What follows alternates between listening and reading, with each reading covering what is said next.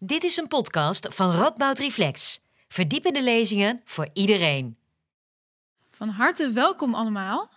Fijn dat jullie er allemaal zijn. Van harte welkom bij dit programma van Radboud Reflex over fanfictie. Ik zie dat er een hele, ja, best wel, best wel jonge zaal. Heel leuk om te, leuk om te zien. Um, ik val maar meteen met de deur in huis. Wie van jullie heeft er wel eens fanfictie gelezen? Oh. Dat zijn best veel mensen. Oké, um, zit er misschien ook iemand in de zaal die zelf fanfictie schrijft of geschreven heeft?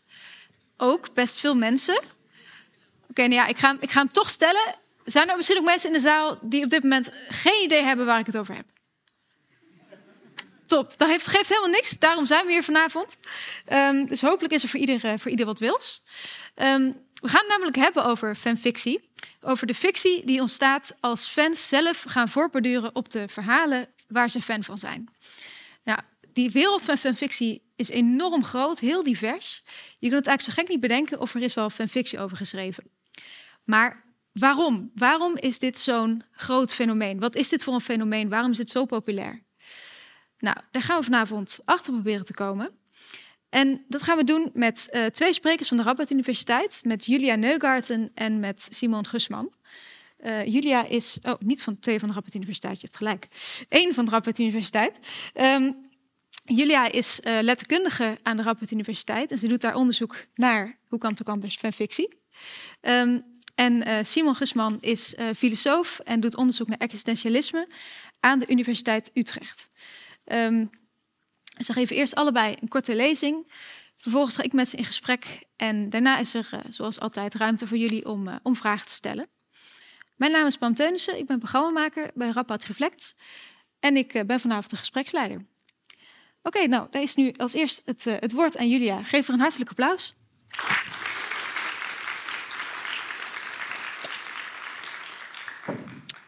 Dankjewel allemaal.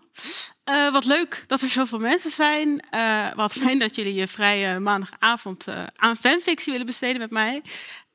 ik ga een beetje met de basis beginnen voor de mensen die net hun hand opstaken toen de vraag was: wie heeft er geen idee waar dit over gaat? en dan gaan we er met z'n allen duiken in het wie, het wat, het waar en vooral ook het waarom. Dus om te beginnen is het denk ik belangrijk om te weten dat fanfictie uh, dus verhalen zijn die geschreven worden uh, van en voor fans. En uh, die komen voort uit een gemeenschap van mensen die dus elkaar gevonden hebben in hun fan zijn. En dat noemen we een fandom, zo'n community. het gaat vaak, maar niet altijd, over bestaande media. Soms gaat het ook over personen. En soms gaat het ook over de schrijvers en lezers zelf en over de fancommunity. Um, fanfiction wordt meestal online gedistribueerd tegenwoordig. Dat is natuurlijk ook logisch, want het maakt het veel makkelijker om heel snel een internationaal publiek te bereiken. Vroeger werd fanfictie heel veel geschreven in um, zelfgemaakte magazines die mensen dan via de post naar elkaar verstuurden en zo. En uh, fanfictie is gratis. En dat heeft ermee te maken dat het dus vaak gebaseerd is op bestaande media, waar er nog copyright op rust. En dat je dus eigenlijk in de problemen zou komen als je het niet gratis zou verspreiden. En platforms die, die fanfictie hosten, waar je kan lezen, kan schrijven, uh, die zijn hier heel streng op. Dus je kan niet uh, een, een, linkje naar je Patreon of whatever uh, daarbij zitten. Dat is echt verboden. Um, en wat belangrijk is aan fanfictie, is dat het vaak transformatief is. En dit is misschien heel logisch, want het ligt niet zo erg voor de hand om een verhaal um, exact zoals het geschreven werd of aan jou verteld werd uh, te reproduceren. Het is vaak zo dat als mensen iets met een verhaal willen doen, dat ze dan iets willen veranderen. En die verandering is eigenlijk uh, waar het interessant wordt, denk ik. Dit plaatje geeft een beetje uh, een voorbeeld van wat ik bedoel met transformatief. Dus waarschijnlijk zal je hier een aantal figuren herkennen en misschien een paar figuren ook niet. Maar je ziet dus dat er um, dat dit bijvoorbeeld niet de Harry Potter is zoals je hem kent, want die heeft meestal geen lightsaber. Uh, dus er komen hier eigenlijk twee mediateksten al samen. Je, ziet ook Kirk en Spock uit Star Trek. En uh, wat zie je? Kirk is zwanger. Dus dit is ook een duidelijke transformatie. Want uh, zoals ik Star Trek ken, kan Kirk niet zwanger worden. maar hier wel. Dus uh, er wordt iets veranderd, er wordt iets aangepast. Uh, er wordt een andere uh, belevingswereld of een andere ervaring belicht dan in de mainstream populaire cultuur. en de mensen die fanfiction lezen of schrijven, die zijn ook vaak naar die andere perspectieven op zoek. Um, ik heb even deze flowchart voor jullie gemaakt, super overzichtelijk. Aan de bovenkant zie je alle dingen die in de mainstream bekend zijn. Dus de populaire cultuur. Uh, nou, je kent allemaal boeken, je kent allemaal films, je kent boeken en verfilmingen. En uh, je weet dat boeken personages hebben, plots hebben, een wereld hebben waarin ze zich afspelen. Um, maar wat misschien iets minder bekend is en iets meer subcultureel, is dus de gemeenschap van fans. Um, want die geven heel vaak dus heel sterk hun eigen betekenis aan het materiaal voordat ze het in fanfictie opschrijven. En dat heeft dus te maken met bepaalde plotwendingen uh, waar fans sterk in geïnvesteerd zijn, uh, bepaalde personages waar ze veel aandacht voor hebben. Ook heeft het te maken met individuele voorkeuren van een fan. Um, en je ziet best wel vaak dat er een soort kritische houding is. Uh, en dat er bepaalde normen zijn binnen een fangemeenschap die eigenlijk bepalen uh, wij schrijven verhalen op een bepaalde manier. Uh, wij zijn de, de male pregnancy community en wij schrijven alleen maar verhalen over Kirk die zwanger wordt. En als je dan niet meedoet, uh, dan moet je maar naar je eigen community gaan. dat beïnvloedt allemaal best wel de inhoud van die verhalen. En het is ook belangrijk, denk ik, om te bedenken dat deze splitsing van een mainstream populaire cultuur waar geld aan verdiend wordt en waar verhalen heel duidelijk één eigenaar hebben en aan de andere kant een soort van subcultuur waarin verhalen op een democratische manier gedeeld worden. Dat is eigenlijk best wel nieuw. Want uh, toen de Grieken hun mythologie schreven, toen deden er allerlei auteurs aan mee. En toen was het heel normaal dat je een personage pakte of een verhaal pakte en je er eigen draai aan gaf. Uh, en toen was het ook nog niet zo dat dat dan met copyright werd vastgelegd en verbonden aan één persoon of bedrijf. Dus deze splitsing komt ook voort uit de copyright-wetgeving en het mediasysteem wat we tegenwoordig hebben. Uh, dit is even een voorbeeld. Uh, als je dus naar een van de grootste fanfiction-websites gaat, Archive of Our Own, uh, ik zie sommige mensen kijken alsof ze hem wel kennen, dan is dit hoe het eruit ziet. Dus um, je kiest je verhaal uit, bijvoorbeeld op basis van welke personages erin voorkomen. Dit verhaal gaat dus over Sherlock Holmes, uh, maar het gaat ook over Griekse mythologie. Dus daar komen weer twee verschillende mediawerelden samen.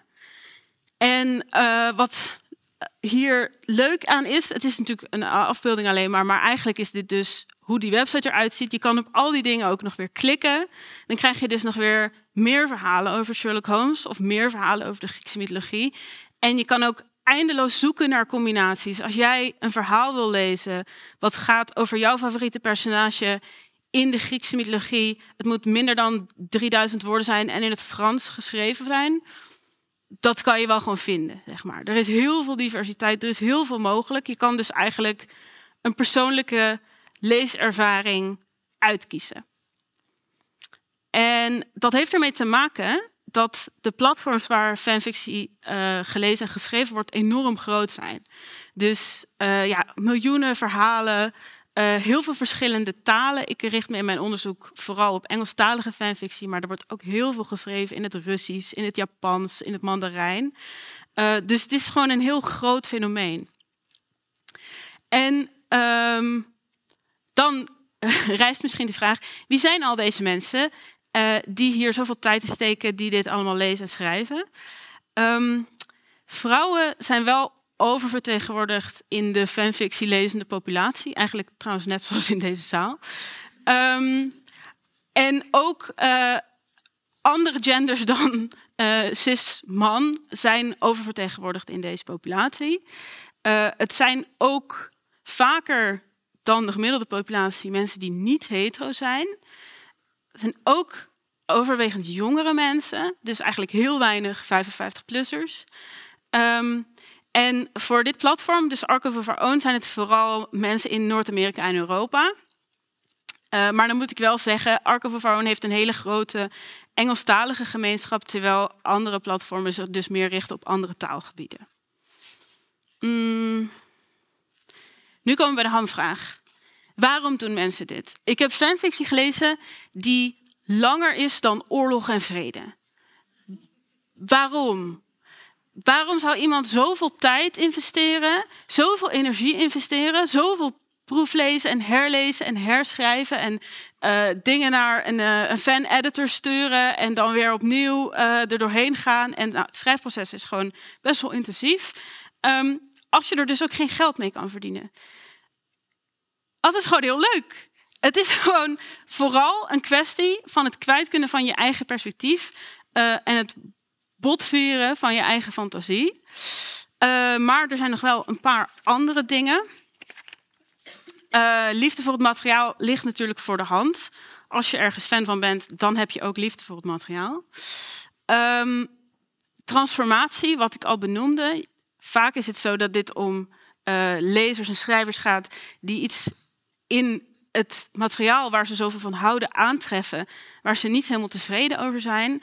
Als ze toch denken, het was een teleurstellend einde, uh, ik ben niet blij dat dit personage is doodgegaan. Ik ben niet blij dat de een op de ander verliefd is geworden, of juist niet.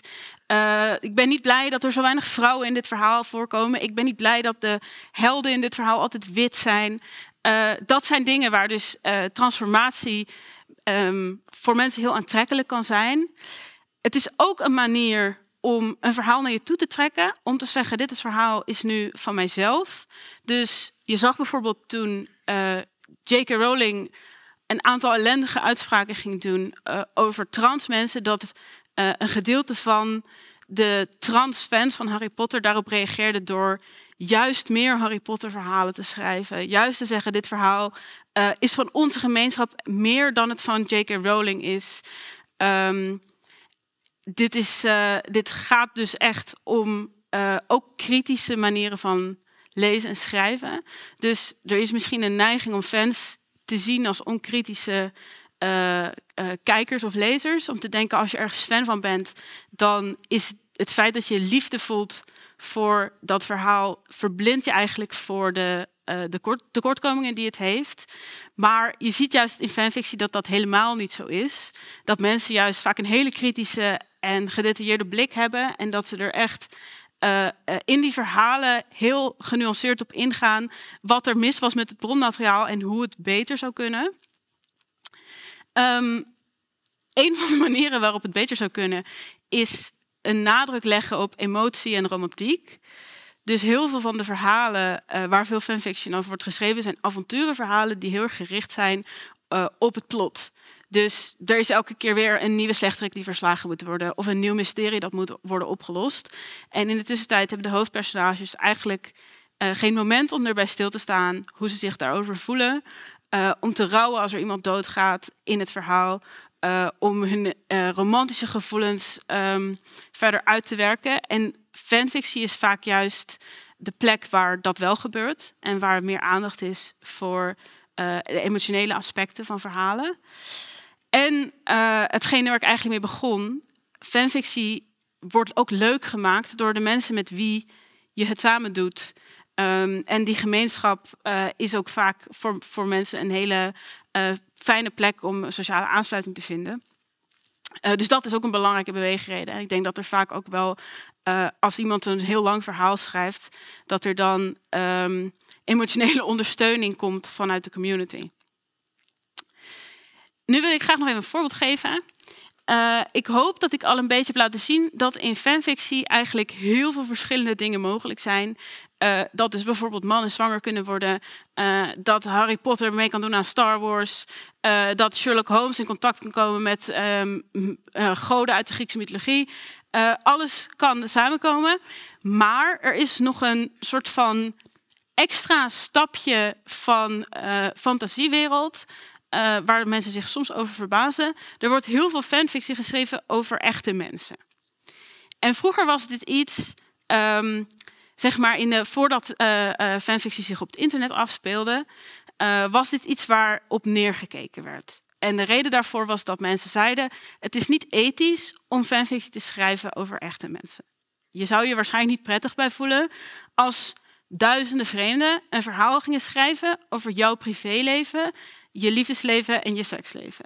Dus zeiden mensen vroeger, dat doen we dan ook niet. Maar natuurlijk gebeurde dit wel. Uh, werd het wel gewoon uh, geschreven, gelezen, uitgewisseld. Uh, en dat zat een beetje in het verdoemhoekje van veel fancommunities. Totdat eigenlijk in de jaren 90 en 2000 boybands steeds populairder werden. En boybands hebben een hele duidelijke dynamiek vaak. Ze presenteren zich als een groep met hele verschillende imago's en een soort van personages bijna. En het werd voor fans dus heel aantrekkelijk en ook heel makkelijk om daar in het verhaal op aan te haken. En zo ontstond er dus heel veel in-sync fanfiction. En tegenwoordig is er bijvoorbeeld ook heel veel One Direction fanfiction. Heel veel fanfiction over uh, K-pop bands, dat soort dingen allemaal. En InSync bracht in 2000 hun album uit No Strings Attached. En je ziet op, het, uh, op de cover ook dat ze dus staan afgebeeld als marionetten aan touwtjes. En dit had ermee te maken dat ze uh, eigenlijk van hun management af wilden. Dus ze hadden een breuk met hun toenmalige management. Ze wilden meer uh, creatieve vrijheid. Ze wilden ook meer economisch een betere deal, zo gezegd. En um, door die breuk met het management ontstond ook een soort breuk in het imago van InSync. Het hoort natuurlijk een beetje bij het imago van een boyband dat wij als buitenstaanders allemaal denken dat die boyband dat met superveel plezier doet. Dus dat ze elke avond superveel energie hebben om voor ons op te treden en dat ze echt leven voor het podium en, uh, en dat allemaal. Maar in werkelijkheid kunnen we natuurlijk allemaal wel bedenken dat het eigenlijk heel vermoeiend is om in een boyband te zitten. En dat Justin Timberlake er ook niet elke avond zin in had om enorm veel pasjes te dansen en dat soort dingen.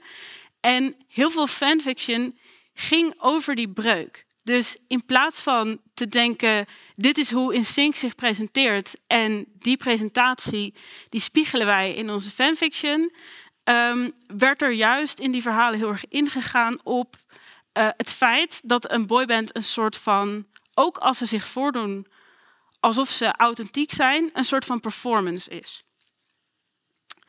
En toen verscheen het verhaal The Vacation.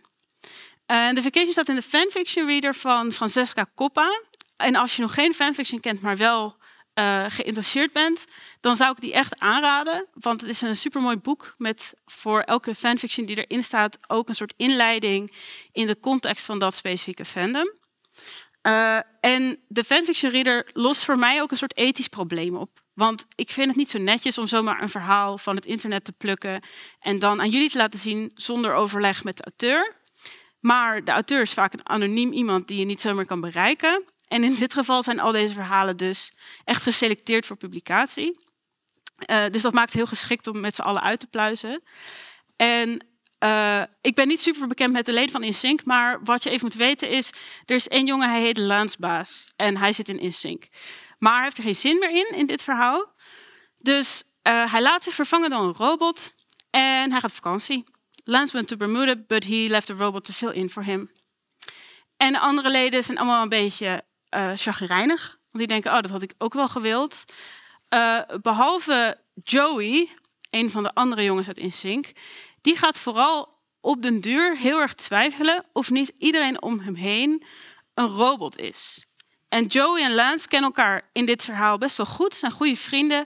Uh, Joey blijkt ook op een gegeven moment verliefd te zijn in dit verhaal op Lance.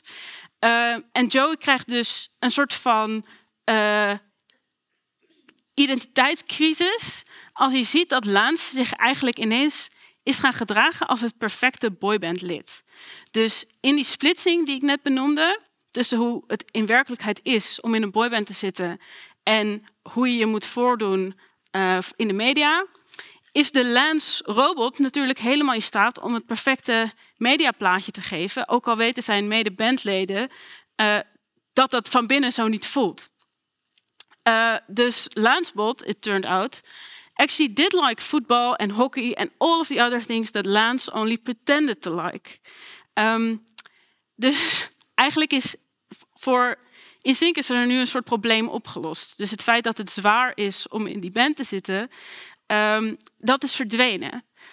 Maar voor Joey is er een nieuw probleem bijgekomen. Want die voelt zich steeds meer alleen en denkt steeds meer uh, dat alle andere mensen het niet zo zwaar hebben als hij. eh, hij probeert ook de lensbot zeg maar, te doorbreken en tegen hem te zeggen, maar vind je dit dan niet eigenlijk loodzwaar en zo? En dan valt het enorm uh, tegen dat hij daar natuurlijk geen respons op krijgt. Um, en ik vind dit een heel goed voorbeeld van hoe een verhaal dus kan voortkomen uit liefde voor het bronmateriaal. Dit is natuurlijk geschreven door een fan van InSync. Um, maar tegelijkertijd heel kritisch kan zijn. Dus kan zeggen, het is voor de jongens helemaal niet leuk dat wij ze de hele tijd soort van met de paparazzi achterna zitten en elke avond een show willen zien en eh, de hele tijd al die positiviteit en energie verwachten en ze eigenlijk geen ruimte meer geven om zichzelf te zijn buiten dat imago om. Uh, dus de echte authentieke identiteit, voor zover je over een authentieke identiteit kan spreken, uh, van deze jongens wordt um, soort van tegenover hun sterrenimago gezet. Het wordt heel erg duidelijk dat het voor hen heel zwaar is om die splitsing te hanteren. Uh, en wat ook interessant is, is dat dit verhaal de fans dus neerzet als een negatieve invloed. Dus het benadrukt dat het uh, de fans zijn die het voor Instinct zo zwaar maken om zo'n populaire band te zijn. En um, nou ja, in eerste instantie voelt dat voor mij een beetje gek, omdat ik uh, veel fanfictie ken uh, in dit genre waar fans worden neergezet als nou ja, geweldige mensen, die dus inderdaad een band enorm veel energie geven, die super positief zijn altijd. Maar Um, dit verhaal is ook in zekere zin voor fans instructief. Dus het heeft een soort van boodschap van um, je moet eigenlijk het soort fan zijn wat de bandleden niet lastig valt. Want het is juist de hele tijd aanwezig zijn en de hele tijd hen in de gaten houden uh, wat het zo zwaar maakt. Dus uh, ja, ik weet niet wie de auteur is van dit verhaal, want die houdt zich natuurlijk anoniem. Maar in feite uh, probeert diegene in dit verhaal ook een soort les te geven aan die community van hoe je je als fan behoort te gedragen. En nog een ingewikkelde kwestie, misschien straks voor het panelgesprek, is dat nadat er dus heel veel verhalen waren verschenen waarin uh, Lance Baas homoseksueel was, waarin gespeculeerd werd over zijn geaardheid, uh, waarin homoseksuele relaties tussen hem en andere leden van de band een centrale rol speelden, is hij dus uiteindelijk in 2006 uit de kast gekomen. En ik vind, ik vind dit wel een beetje een voorbeeld van waarom real people fiction inderdaad niet altijd heel goed is om te schrijven ja, ik wil niet nu allemaal fans veroordelen, want ik snap ook waarom het leuk is. Uh, maar het gaat dus om echte mensen en die voelen dus echt heel veel druk. Dus dat is een thema wat in dit verhaal zit, maar het is ook iets uh, wat uiteindelijk werkelijkheid is geworden in dit geval.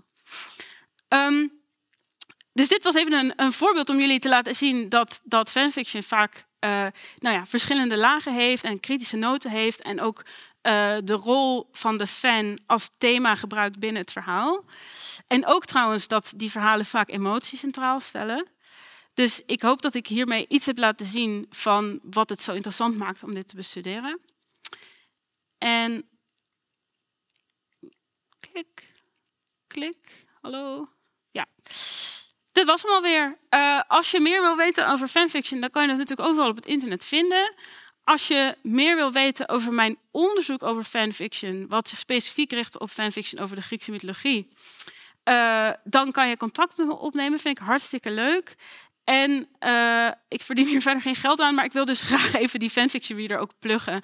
Uh, want het is een super leuke introductietekst als je hier wel meer over wil weten. Maar de miljoenen werken op het internet maken het een beetje moeilijk om te zeggen waar je moet beginnen. Dankjewel voor het luisteren.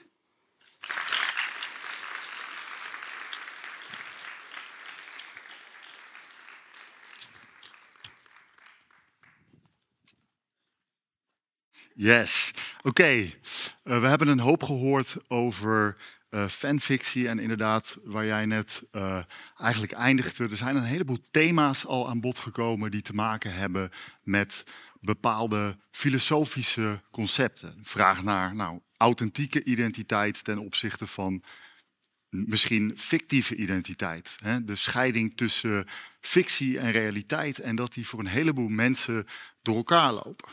Verhalen van fictieve personages hebben van alles te maken met verhalen over echte personages. En dat zijn wij natuurlijk zelf.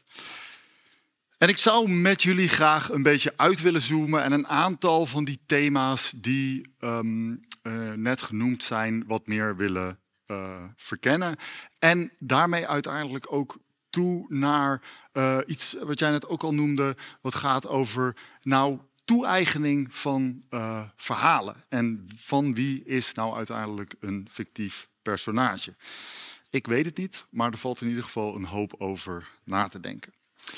En wat denk ik het belangrijkste is om mee te beginnen, is het idee dat feit, het feit en fictie onderscheid uh, überhaupt al niet zo goed te maken is als het om onze cultuur gaat. Onze cultuur is doordrongen van allerhande verhalen. Een verhaal over hoe uh, Nederland is ontstaan bijvoorbeeld. De strijd tegen het water heb ik wel eens gehoord. Of Um, verhalen over uh, fictieve personages die weerspiegelen vaak, nou ja, misschien bijvoorbeeld dat Griekse helden bepaalde deugden uh, representeren. Of verhalen zijn een metafoor voor iets in de echte wereld, wat uh, in de echte wereld gebeurt.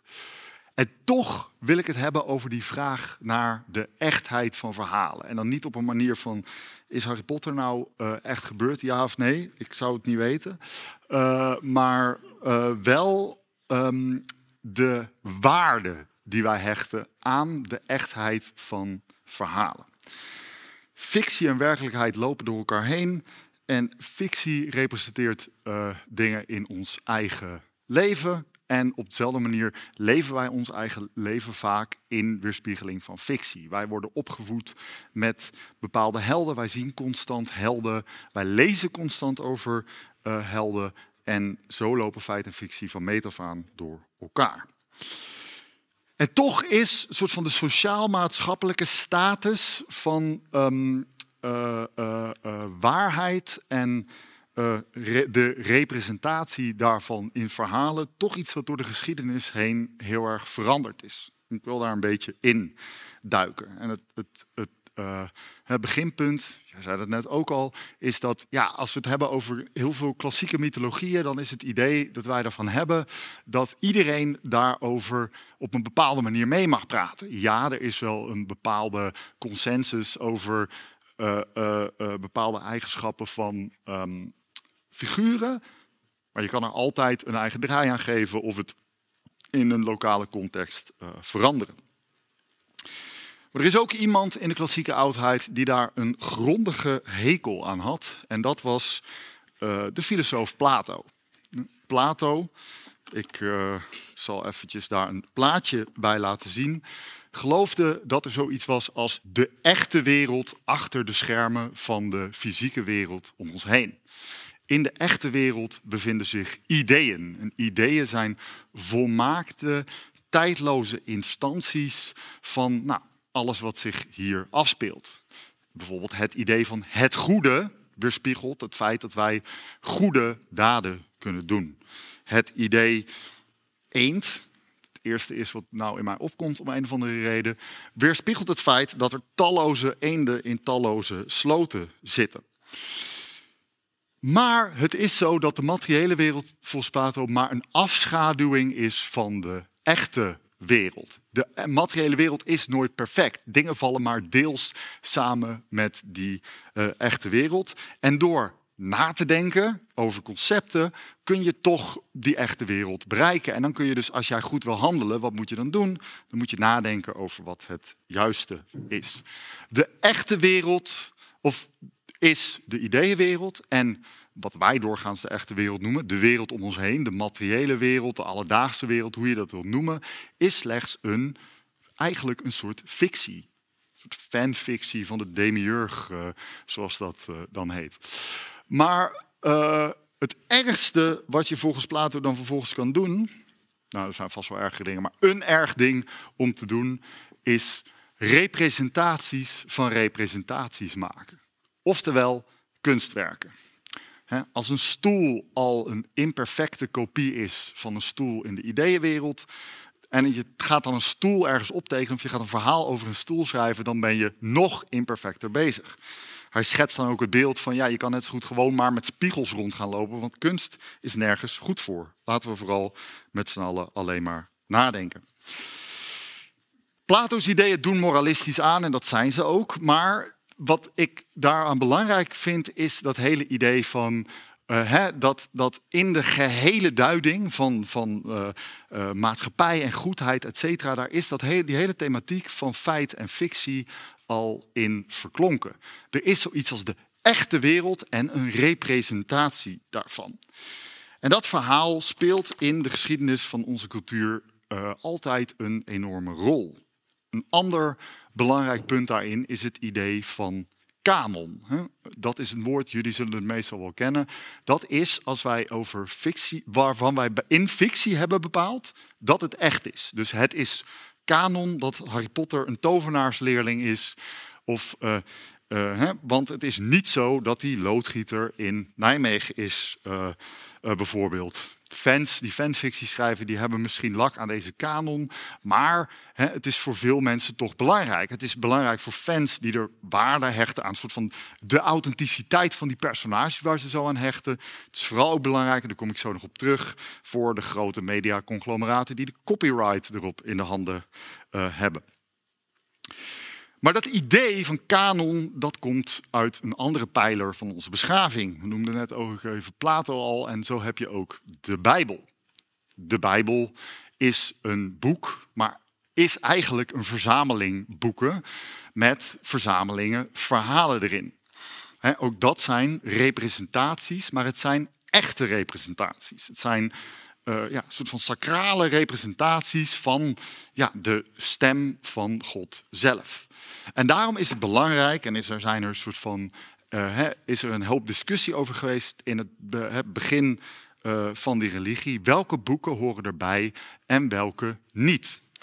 Dus dat zegt weer wat over dat thema van echtheid en beschrijvingen van die echtheid. we kunnen op een of andere manier de ware beschrijvingen, die kunnen we onderscheiden van de um, onware beschrijvingen. En dat is natuurlijk al een heel ander idee dan Plato, die gewoon beschrijvingen uh, uh, niet goed vindt en naar die impure ideeën toe wil.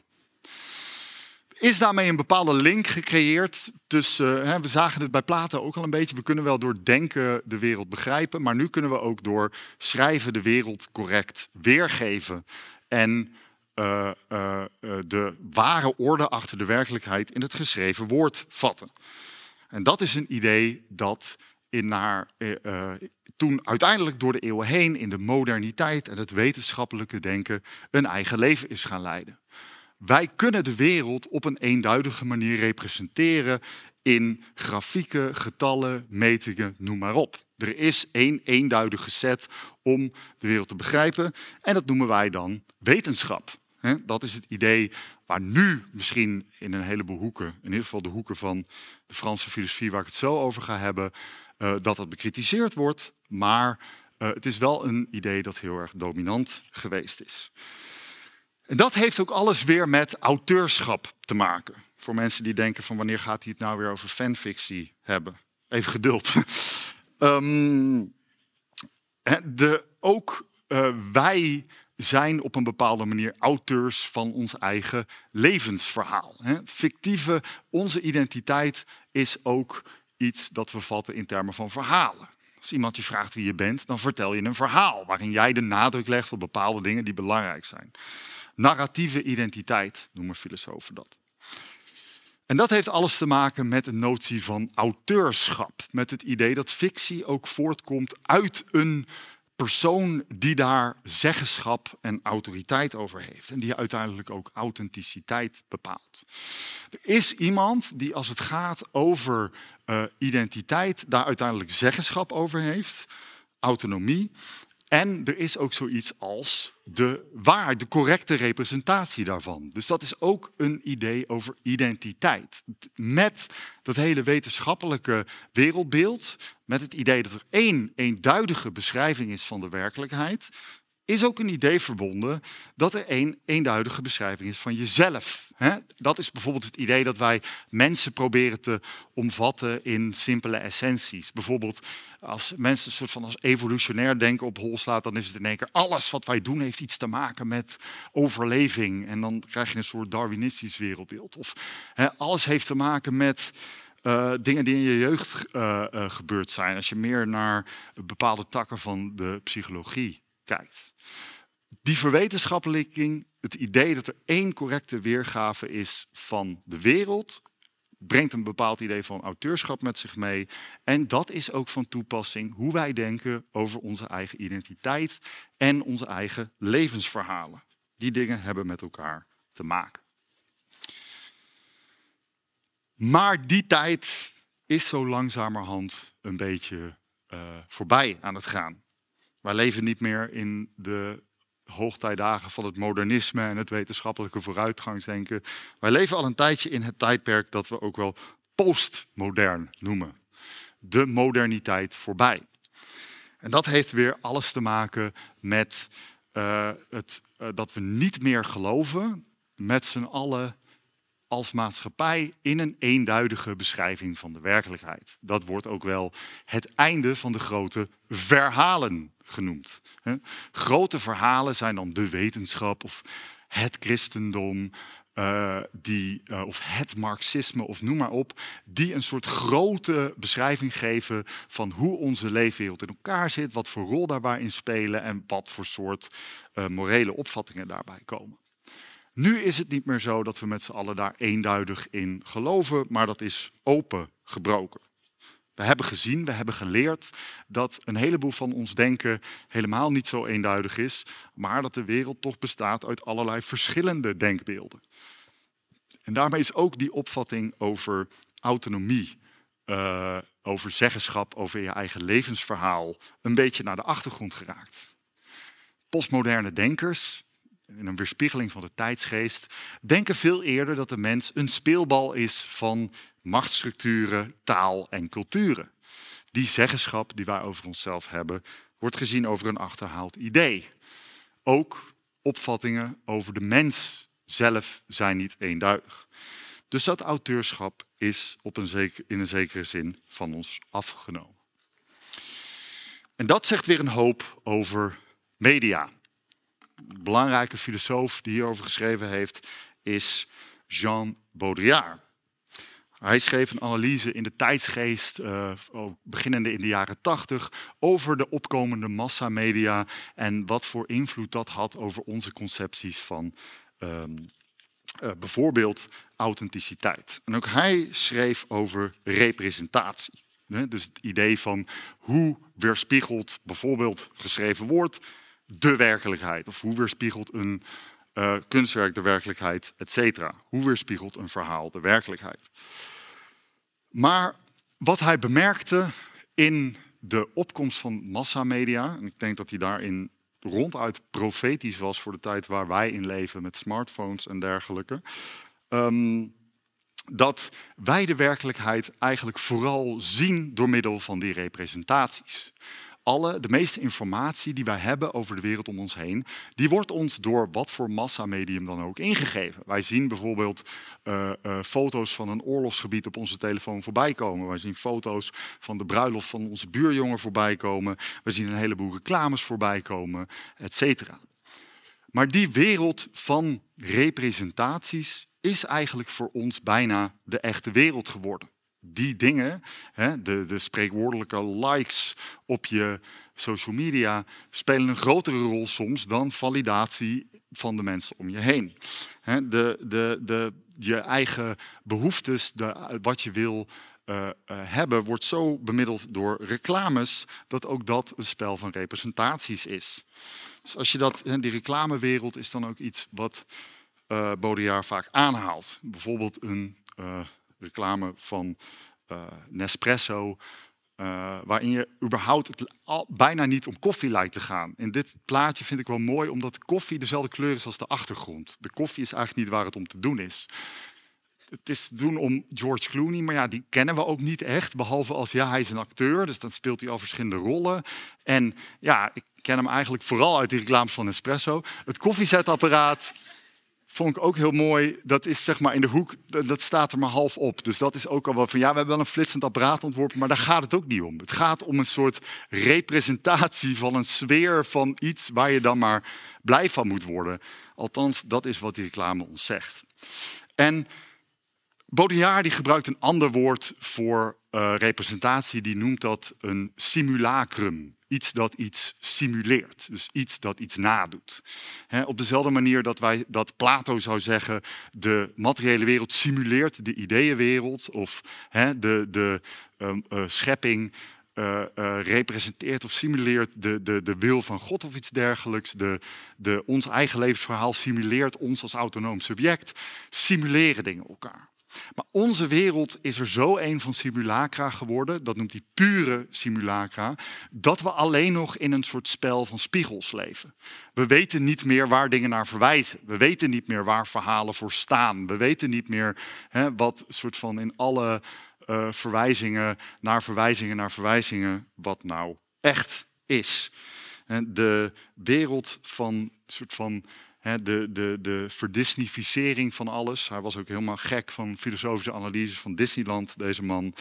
Um, is er een van nepheid. Het is ook over bijvoorbeeld politici die je alleen maar kent van de personages die ze spelen, hoe ze zich voordoen op social media, et cetera. Maar wat weet je nou eigenlijk van het beleid? Nep is echt geworden, maar op zo'n manier dat we niet eens meer, eigenlijk meer weten wat echt is. We leven in een wereld van simulacra, die, als waren het de ideeënwereld van Plato, plaatjes bevat die vaak perfecter zijn dan de wereld zelf. Hyperrealiteit noemt Baudrillard dit. Een werkelijkheid die nog echter lijkt dan de echte werkelijkheid. En in die wereld van verwijzingen naar verwijzingen naar verwijzingen wordt um, auteurschap steeds minder belangrijk. Je ziet het in het geval bijvoorbeeld van de vele Hollywoodfilms die alleen maar remakes zijn van remakes van remakes. Je ziet het in termen van het gebruik van samples en verwijzingen in muziek. Je ziet het vooral, dat vind ik zelf een heel dankbaar voorbeeld, in online meme-cultuur. Waar jullie ongetwijfeld een hoop van jullie mee bekend zijn. Mensen delen plaatjes online die vaak een soort grap bevatten die je alleen kan begrijpen als je een hele set andere grappen uh, uh, kent. En die veranderen met de tijd mee.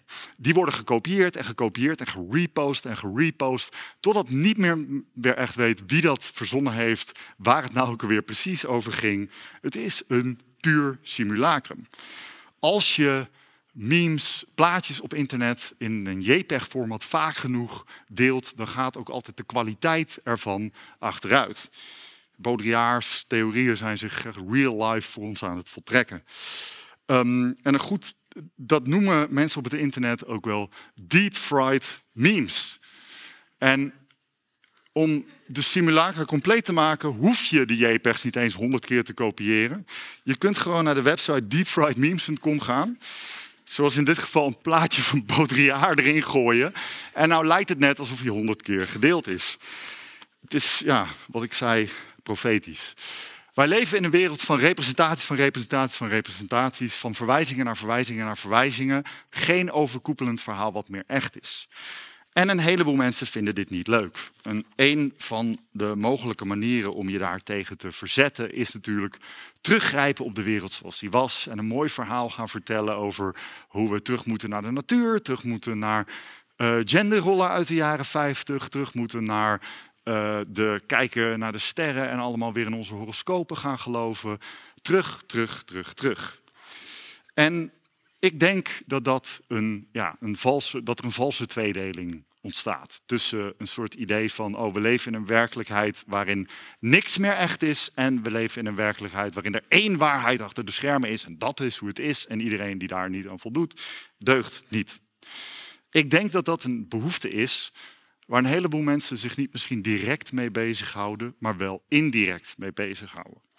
Je komt dan op een vraag uit van hoe krijgen we weer grip en zeggenschap in een wereld waarin niks van ons lijkt te zijn, waarin alles vluchtig lijkt te zijn, waarin je, ook al was je zo'n grote fan van uh, bijvoorbeeld een bepaalde media franchise, nu word je iedere uh, paar maanden weer een nieuwe Netflix-serie en een nieuwe reboot door de strot geduwd.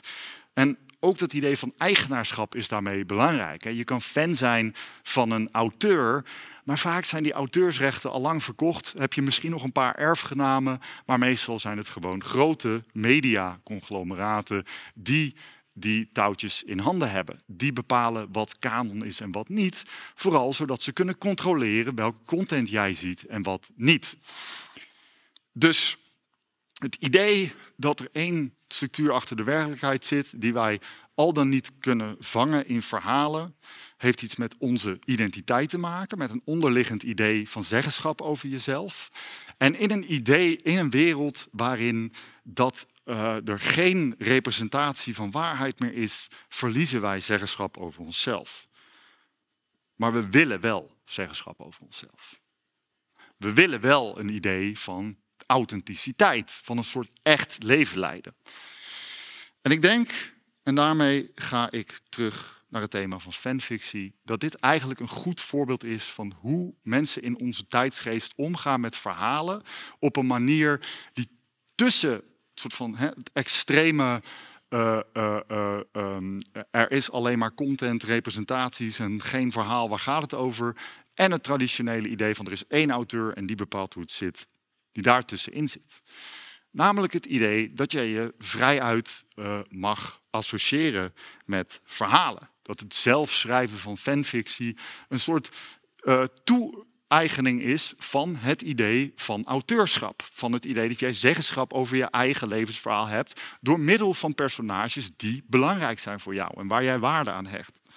Maar het gaat daarbij niet om dat traditionele idee van auteurschap, hè, dat modernistische idee van er is uiteindelijk één waar verhaal in de werkelijkheid. Het is een soort combinatie van die twee dingen autonomie, een zeggenschap over je eigen leven, maar geen soms beklemmend idee achter de schermen dat er één enkele waarheid is. Eén enkele waarheid ook over jouw eigen leven.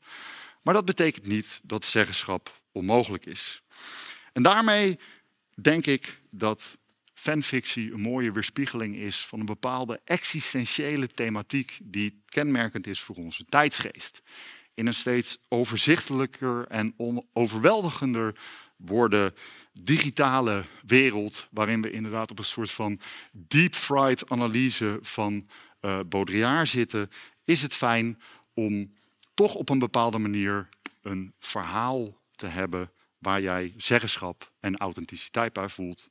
En misschien is het dan maar uit handen houden van die grote media-instanties en het zelf doen de beste manier. Dank jullie wel.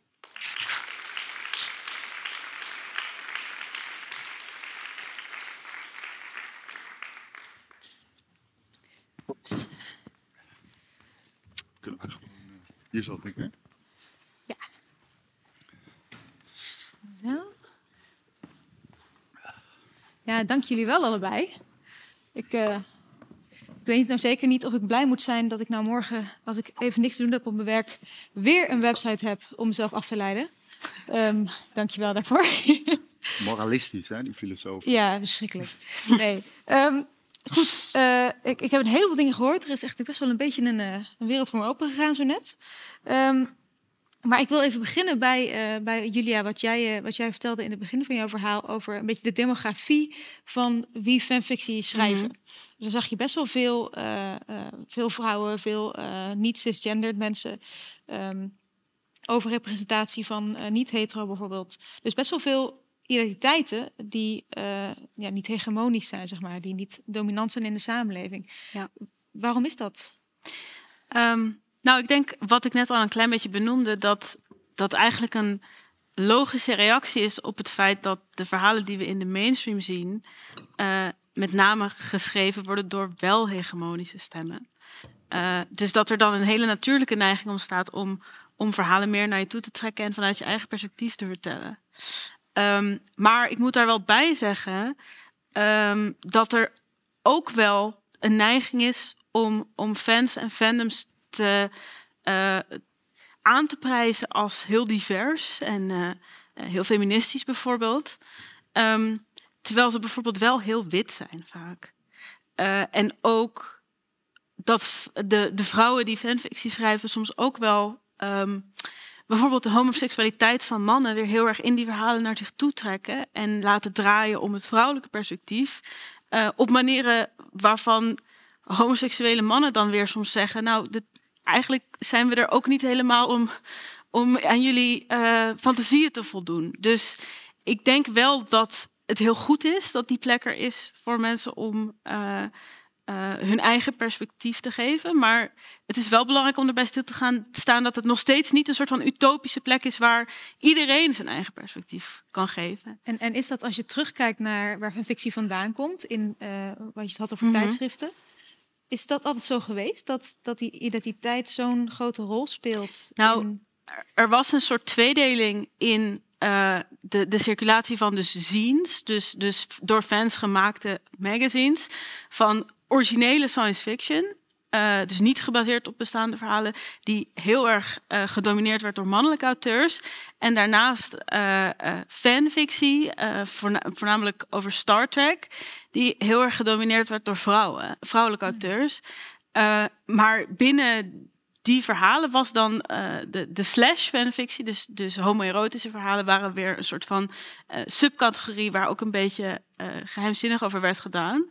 Um, dus ja, het, is wel zo dat, dat fanfictie voortkomt uit uh, door, door vrouwen geleide uh, communities. Uh, maar het is ook, het is niet per definitie zo dat dat altijd zo erg om het homoerotische heeft gedraaid als het nu op het internet vaak wel doet. Ja. Ik, ik zie er toch wel een beetje een spanning, denk ik, met waar, waar, waar Simon het over had in, in zijn verhaal over, ja, waar jij het over had met, met kanon. En dat dat toch een soort ja, het idee is van dat er een, een echt verhaal is op de een of andere manier. Dat dat samenhangt met het idee van een echte identiteit. Mm -hmm. Terwijl, hoe, hoe valt dat te rijmen met uh, dat identiteit best wel een thema lijkt te zijn in veel fanfictie?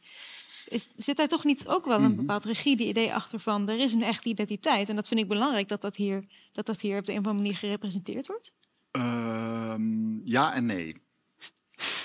De echte filosoof. Uh, kijk, als het gaat om die rigide identiteit, misschien wel inderdaad als wij nou denken over um, uh, nou, bijvoorbeeld uh, identiteit als het gaat over gender, dan, dan zien wij dat misschien als hè, er zijn een heleboel um, uh, labels voor en manieren om jezelf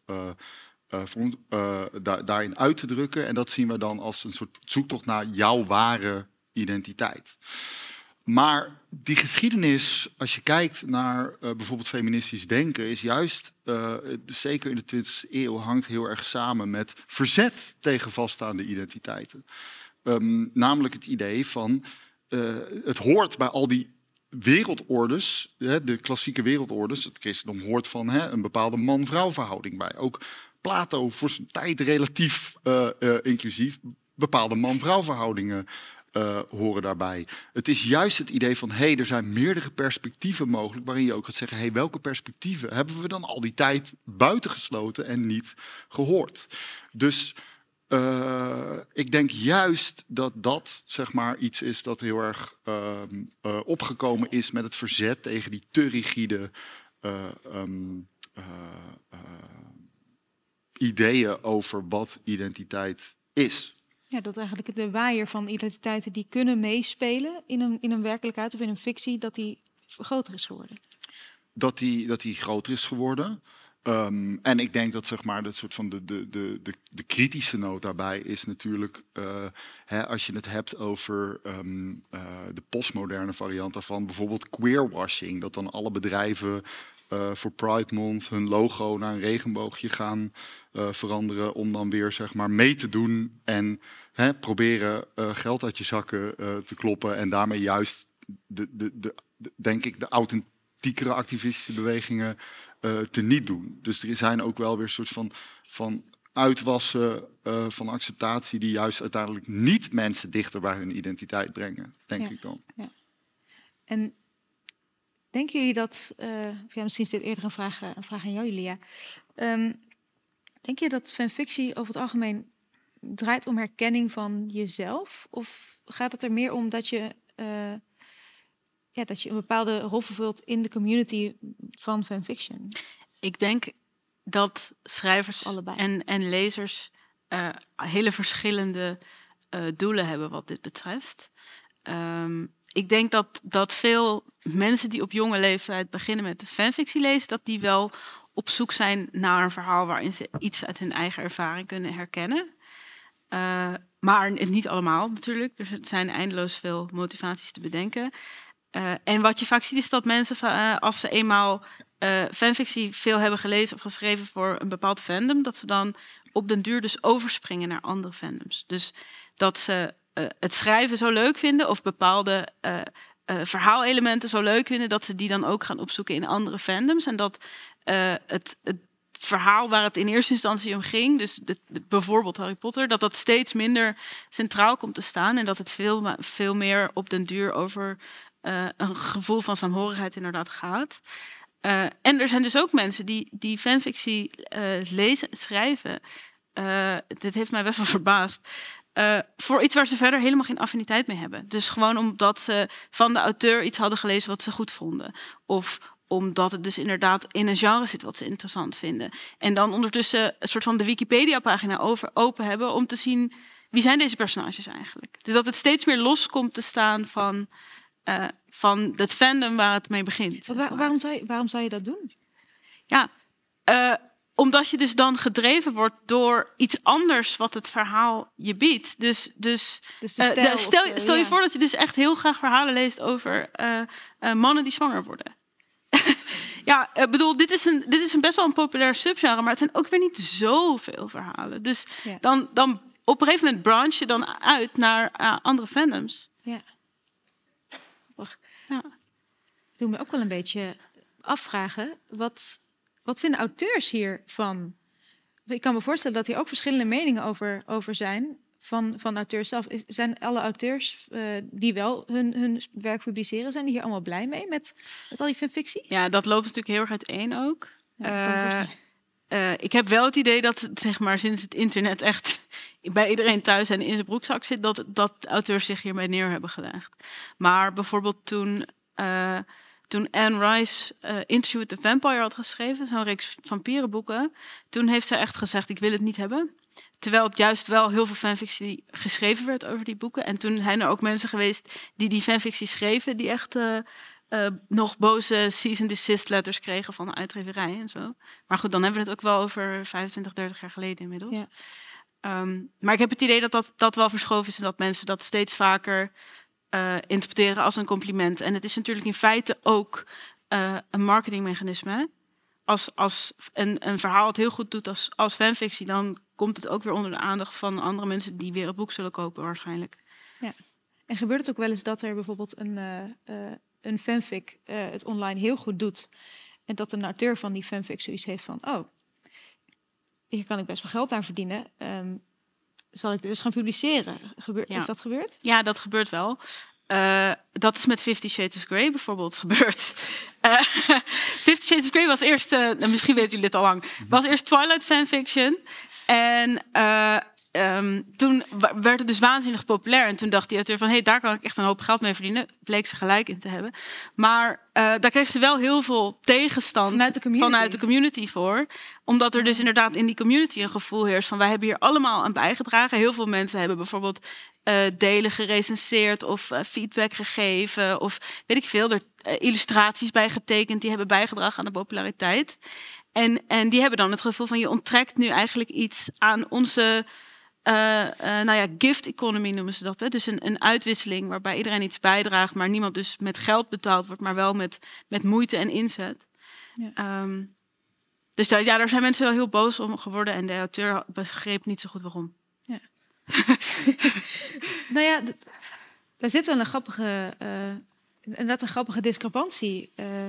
want wat, wat mij net opviel in wat jij vertelde, Simon, is mm. dat uh, en trouwens, zit dat in jullie allebei, jullie verhalen, denk ik, is dat uh, fanfictie toch op de een of andere manier ook gaat over het je toe-eigenen van een bepaald verhaal. Maar tegelijkertijd hoor ik hierin ook weer een, een heel ander idee van wat eigendom is.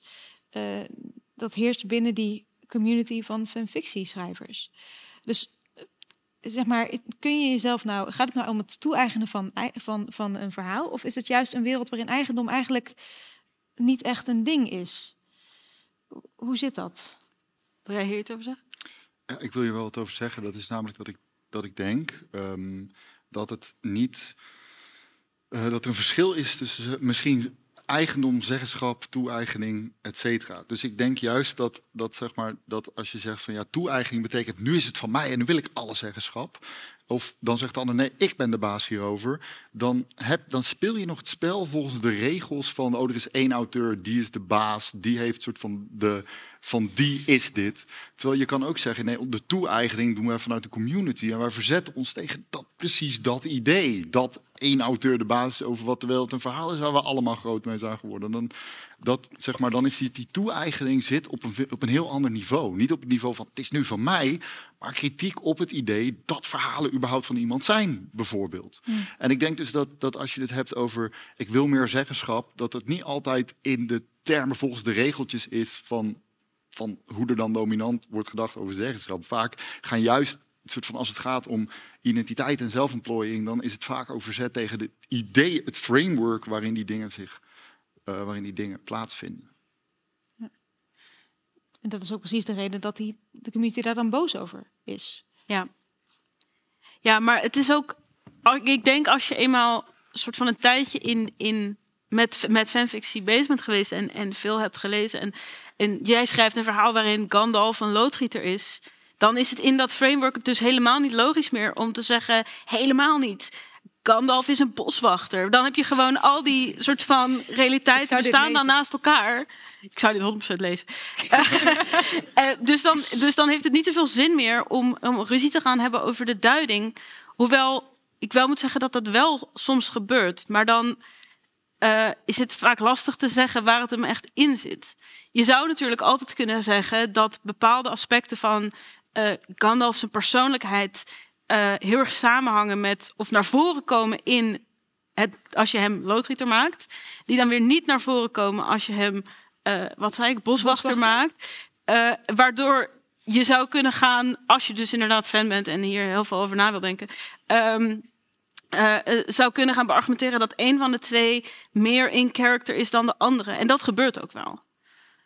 Um, dus, dus er zijn nog steeds wel, wel discussies over wat is dan echt de authentieke interpretatie. Maar tegelijkertijd denk ik dat iedereen er wel van doordrongen is uh, dat die niet uiteindelijk terug te voeren zijn op een soort van definitieve waarheid of zo. Ja.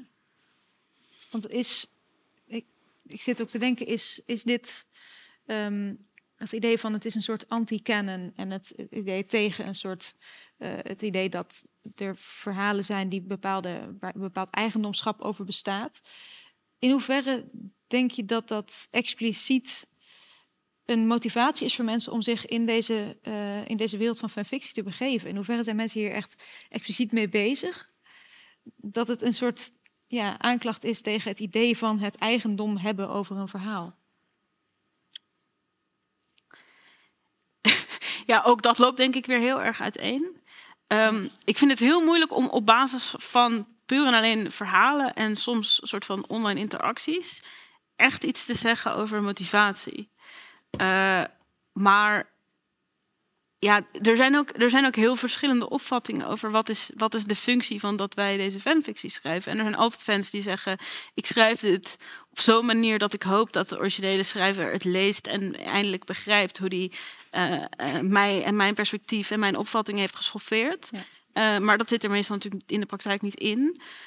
en er zijn mensen die die mensen belachelijk vinden en zeggen: wij zijn gewoon een soort van in de zandbakken aanspelen en nemen het allemaal niet al te serieus. Dus het kan ook, kan ook een, een, een soort activisme bijna zijn. Ja, ja dat, dat kan wel, maar het hoeft niet.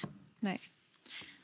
Dit is dus letterlijk ook hoe filosofieonderzoek werkt eigenlijk. Hè? Dat is eigenlijk gewoon allemaal fanfictie bij uh, bekende denkers. Van je leest voet, een keer voetnoten, voetnoten bij Plato. Ja, voetnoten bij Plato fanfictie bij Plato. Dus je, je, je leest dan zoiets en denk je: oh ja, dit is interessant, dit is goed. Maar eigenlijk heeft hij tot bepaalde vond niet om begrepen. En dan pak je bepaalde concepten en ideeën waar je het dan wel mee eens bent. En die herconfigureer je op een bepaalde manier. En dan gaat er ook nog een beetje het sausje van je eigen tijdsgeest overheen. En voilà, zo gaat het al duizenden, duizenden jaren. Ja, dat is letterlijk waar. Maar ik denk wel dat het iets zegt over nou, dat idee van, van, soort van als wij een heel strikt idee hadden over dit zijn de ideeën, dan was soort van. En, en daar moet je niet van afwijken of dat soort van. Dan, dan was een heleboel soort van discussie en, en verder gaan in je cultuur ook niet mogelijk. Het maakt cultuur heel statisch, heb ik het idee. En dat betekent natuurlijk niet, soort van, ik ben niet tegen dat je soort van eh, bijvoorbeeld auteurs niet zou moeten betalen. Ik bedoel, dan zou ik zelf ook achter het net vissen als iemand een boek voor mij koopt. Maar wel het idee van, oh, je mag niet met iemands ideeën aan de haal gaan. Het idee dat soort van.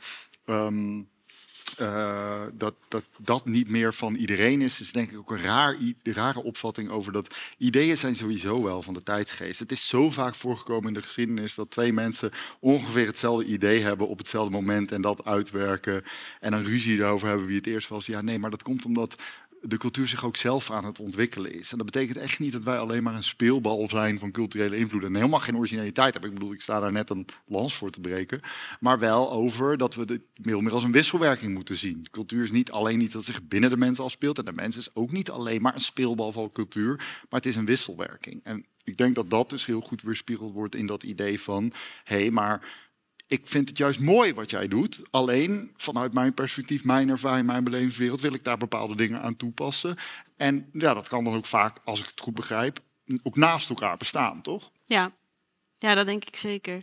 En ik denk ook dat je, een soort van andersom, dat je nu steeds meer in eh, de mainstream media eh, iets ziet wat ik bijna een soort fanfiction-achtige invloeden zou willen noemen. Dus je ziet bijvoorbeeld steeds meer eh, multiverse verhalen, waarin dus ook verschillende realiteiten naast elkaar kunnen bestaan. En personages, weet ik veel, verschillende banen of eh, eh, planeten of wat dan ook hebben. Eh, die eigenlijk iets doen wat ik uit fanfiction al heel erg ken. maar in Everything, Everywhere, All at Once is dat dan ineens weer best wel nieuw, zeg maar. Nou, wat grappig. Ja, want dat, dat zie je inderdaad wel overal, overal opkomen. Maar dat is dus iets wat in fanfiction eigenlijk heel... Nou Ja. het idee van fanfiction, dat er verschillende werelden die parallel aan, aan elkaar bestaan, waarin de een niet meer waar is dan de ander. ja precies. Ja, en dan is natuurlijk nog wel weer anders, omdat dan in, dus in fanfictie die dingen waarschijnlijk door verschillende mensen worden geschreven. Ja. En een, een film heeft uiteindelijk nog steeds maar één script. Maar Ja. eh, ik, ik zie dat wel als een soort van beweging in dezelfde richting, zeg maar. Ja. Maar goed, er is natuurlijk ook fanfictie. En dat was jouw voorbeeld. Precies, precies zo'n fanfictie. Die niet gaat over, over fictionele personages, maar over echte mensen. Ehm, daar vind ik het idee van kanon wel interessant. Omdat over echte mensen is er echt kanon. Namelijk, ze hebben gewoon echt een leven. er is een bepaalde kanon over, weet ik veel, Harry Styles of zo. Ja, Ehm, hij heet dan misschien niet kanon, maar hij heeft wel echt een, een, een bepaald echt leven wat waar is. En er zijn andere dingen die je erover kunt zeggen die niet waar zijn. Ja. Ehm, dus werkt fanfiction op zo'n manier dan ook anders? Is, ja, hoe bedoel je? in, in de zin dat eh fanfictie over echt fictionele personages is op de een of andere manier een soort, tenminste als ik even met jou, met jouw eh, gedachten meega, een soort aanklacht tegen het idee van kanon. Maar Maar ik dat zou... kun je niet doen bij echte mensen. Nou, nee, ja, dat denk ik dus wel. Want ik denk dat als de, de eh, agent of eh, publicist of wie dan ook van, van One Direction met hen in de kamer eh, zit voor te bereiden voor een interview, dan zitten ze echt wel te zeggen: Oké, ja, jij bent dus de geinige, dus bedenk vast een grap. En jij bent dus de serieuze, dus bedenk vast welk boek je deze week hebt gelezen. Wat helemaal niet echt zo hoeft te zijn. Oh, ja. En dan hebben ze echt wel. Ik moet zeggen dat ik niet super erg op de hoogte ben van de dynamiek binnen One Direction. Maar ze hebben echt wel. Uh, van je tegen. ja, wel een beetje. Eh, maar ze hebben echt wel allemaal een soort van een, een persoonlijkheid en een rol. Ehm, en en eh, je kan best wel een fanfiction schrijven en zeggen: Oh, maar eigenlijk is Harry Styles helemaal niet zo geinig als hij. Want hij vindt het heel moeilijk om de hele tijd de grappenmaker te moeten zijn. Want eigenlijk is hij heel serieus. Dan heb je wel degelijk een soort kanon tegengesproken. Ja, ja. Mag ik nog wat zeggen over die kanon over jezelf? ja. Oké, soort van stel, hè? ik heb het idee dat ik een heel erg daadkrachtig persoon ben. Of ik heb het idee dat ik eh, heel erg vaak eh, dingen doe om bepaalde beweegredenen. En op een gegeven moment kom ik op een punt in mijn leven dat ik eens kritisch naar mezelf ga kijken. Er gebeurt iets en ik kijk naar mezelf en ik denk, al die tijd had ik toch een verkeerde opvatting van mezelf. Ik heb altijd het idee gehad dat ik bijvoorbeeld eh, ehm, heel daadkrachtig was, maar eigenlijk heb ik, had ik meer met mijn leven moeten doen. Een heleboel hè, reflectie, vroeging, therapie, et gaat over zelfkennis, over het beeld dat jij van jezelf hebt. En dat kan veranderen. Als je het dan hebt over een rigide opvatting van jezelf, hoeft dat niet te zijn van, oh, het, soort van, het is toch feit dat ik daar en daar geboren ben. Allicht. Maar de duiding die jij geeft in termen van je eigen identiteit, de, de, de labels, het beeld, het hele verhaal dat je van jezelf creëert, ik denk dat je daar een veel te rigide opvatting van kan hebben. Betekent dat dat het totale fictie is en dat het nergens over gaat? Nee, natuurlijk niet. Maar er zit altijd een element van zelfinterpretatie in. Dus het hele idee van uh, narratieve identiteit, van wij vertellen verhalen over onszelf. En verhalen hebben altijd een element van interpretatie, van representatie. Is denk ik iets dat je mee moet nemen als je over dat soort dingen denkt. Dus misschien is er, er is wel misschien een soort van set kanon dingen, maar het is niet allemaal in kannen en kruiken. Jouw zelfkennis, jouw beeld van jezelf is helemaal niet op die manier in kannen en kruiken gegoten, denk ik. En je had het net over tijdgeest. Um, heeft kanon niet op, op, op die manier ook een bepaalde, wel een bepaalde functie? Want ik kan me voorstellen dat er, er zijn soms verhalen die met een bepaald doel worden geschreven. En ook verhalen die een bepaalde tijdgeest um, pakken, zeg maar, die een bepaalde tijdgeest laten zien. En op het moment dat dat uh, door allerlei mensen wordt omgeschreven naar iets anders, raak je ook niet iets kwijt?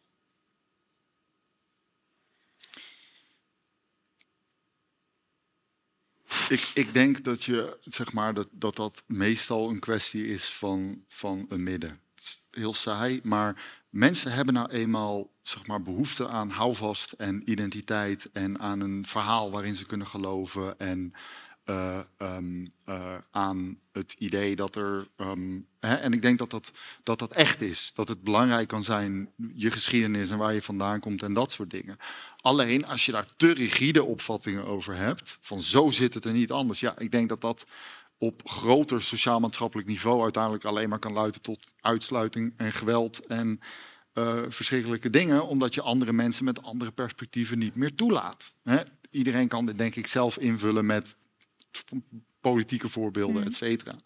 Dus natuurlijk het idee van, van kanon, dit vinden wij belangrijk en daar hechten wij waarde aan, is, is uh, prima. Dat je zegt van, nou weet je, wij, wij, um, uh, wij vinden, uh, nou, je ziet het bijvoorbeeld een hele grote discussie over kanon binnen de filosofie, waarbij er echt een, een hè, dus dat gaat dan over, hè, we hebben een inleiding in de filosofie, wie onderwijzen we daar? Nou, dat is een heel groot debat over dat we daar meer uh, verschillende perspectieven in willen. Niet-westerse perspectieven, uh, uh, perspectieven van vrouwen, noem maar op. Dan ga je dat herzien. Maar er zijn toch bepaalde dingen die zo belangrijk zijn voor je traditie dat je ze ook wil behouden. En dan zoek je dus naar een gulden midden tussen, nou ja, een, een, een, een deel van je soort van hou een deel houvast vinden, en maar niet zoveel houvast dat, je, dat het verkrampt. En een deel flexibiliteit daarin. En zo gaat het met identiteit altijd. Of het nou gaat om groepsidentiteit of het nou gaat om je eigen identiteit. Je wil ook niet iemand zijn die met alle winden meewaait, die iedere dag een nieuwe identiteit heeft,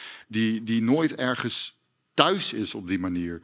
Maar je wil ook niet iemand zijn die altijd te rigide is en altijd dingen op een bepaalde manier moet doen en alleen maar één beeld van zichzelf heeft. En dat is gewoon een kwestie van toch een soort balans daarin vinden. En weer een goed voorbeeld van hoe culturele identiteit, grote maatschappelijke ideeën en persoonlijke ideeën dan zeg maar toch eenzelfde soort dynamiek hebben, denk ik. Ja. Ik ga denk ik zo, uh, zo naar vragen uit de zaal. Maar ik heb nog één laatste vraag. Dan ben ik heel nieuwsgierig of jij of jullie misschien allebei wel zelf fanfictie schrijven. Tegenwoordig niet meer. Nee? Gaat te veel tijd in zitten. Ja. Simon? Uh, ja, ik schrijf dus fanfictie over filosofen, heb ik net. Ja, dat is Maar nee, nee. Ik, kijk, ik, um, uh, jij bent echt een expert op het gebied van fanfictie. ik ben soort van inderdaad geïnteresseerd in de wisselwerking tussen verhaal en werkelijkheid en de sociaal-maatschappelijke rol van uh, verhalen. Dus ik vind het zeker een interessant fenomeen. Maar ik ben niet thuis in die communities. Nee, dat is, was ook nieuw voor mij. Dus ook wat verbreding. Nee, jullie hebben me wel een beetje aan het denken gezet of ik er misschien uh, niet een keertje een draai, uh, draai aan gegeven. Um, jullie twee heel erg bedankt voor, uh, voor, deze, voor deze inzichtelijke inzichten. um, en, en, jullie heel erg bedankt voor jullie bijdrage, voor het luisteren, voor jullie aanwezigheid. Um, het volgende programma dat we hebben bij Fanfictie gaat over treinen. Treinen door Europa. Um, dus als je wel eens met de trein door Europa gaat, of als je een plan met dat een keer te doen, kom vooral luisteren wat voor een, uh, wat voor een filosofie daarachter zit. Um, nogmaals bedankt. En eh, een hele fijne avond en veel plezier met fanfictie lezen.